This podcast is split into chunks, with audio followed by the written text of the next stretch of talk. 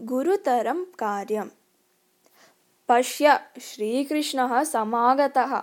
इदानीं यावत्तु सर्वे पाण्डवाः अस्माकं सर्वेषां सामन्तनृपादीनाम् अतिथीनाम् आदरसत्कारे निमग्नाः आसन्।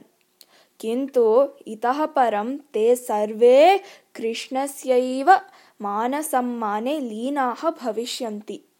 श्रीकृष्णश्च उच्चासनं प्राप्य गर्वेण विराजिष्यते। राजचक्रमपि कृष्णं परितः एव स्थास्यति। इति आगच्छन्तं श्रीकृष्णं दृष्ट्वा कोऽपि नृपः पाण्डवस्य राजसूययज्ञे स्वकीयं मित्रं प्रति असूयया अवदत्। स्वयं धर्मराजः युधिष्ठिरः एव यज्ञस्यास्य व्यवस्थापकः आसीत्।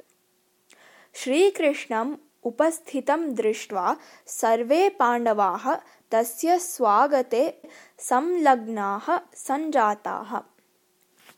औपचारिकं वार्तालापं कृत्वा श्रीकृष्णः युधिष्ठिरम् उद्दिश्य अकथयत् इदानीम् आदिशतु मया किं करणीयम् इति एतत् श्रुत्वा युधिष्ठिरः साध्वसम् उत्कम्प्य अकथयत् भवता करणीयं कार्यं तत्रापि भवता। भवान् तु अस्माकम् आदरणीयः मान्यश्च अतिथिः। भवान् अत्र आसनम् अलङ्करोतु। तदेव भूषणम् अस्माकम्। कार्यं कर्तुं नियुक्ताः सन्ति जनाः ते तु यथा योग्यं करिष्यन्ति एव इति।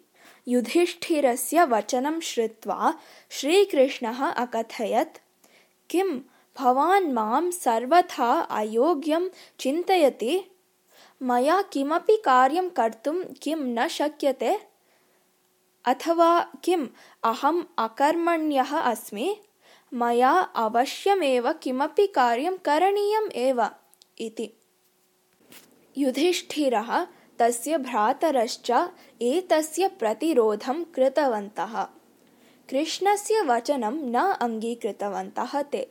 श्रीकृष्णः अपि दृढसङ्कल्पः एव। सः अवदत् महति यज्ञे उपस्थितेन एकैकेन अपि यथाशक्ति किमपि करणीयम् एव अन्यथा पापं सङ्गृहीतं भवेत्। अतः अहं तूष्णीम् उपवेष्टुं न इच्छामि। अवश्यमेव हि मया किमपि कार्यं करणीयम् एव इति। ततः स तं भागं गतवान्। यत्र अतिथीनां भोजनं प्रचलति स्म।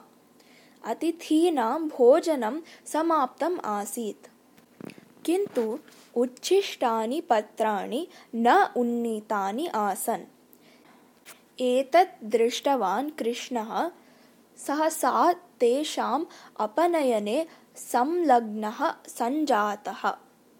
एतद् दृष्ट्वा युधिष्ठिरः धावन् आगत्य अवदत् भोः भोः गोपाल किम् एतत् क्रियते भवता तदा श्रीकृष्णः अकथयत् मित्र अलम् उद्वेगेन नैतत् कार्यं लघु एतत्तु विशिष्टं कठिनतमं च कार्यम् एतत् सर्वे कर्तुं न शक्नुवन्ति अहं तु गुरुतरम् एव कार्यं कर्तुम् इच्छामि इति। एतद् दृष्ट्वा कश्चन अतिथिः अकथयत् श्रेष्ठः जनः स्वकीयं गौरवं रक्षितुं लघुतरमपि कार्यं महत्तरं भावयति इति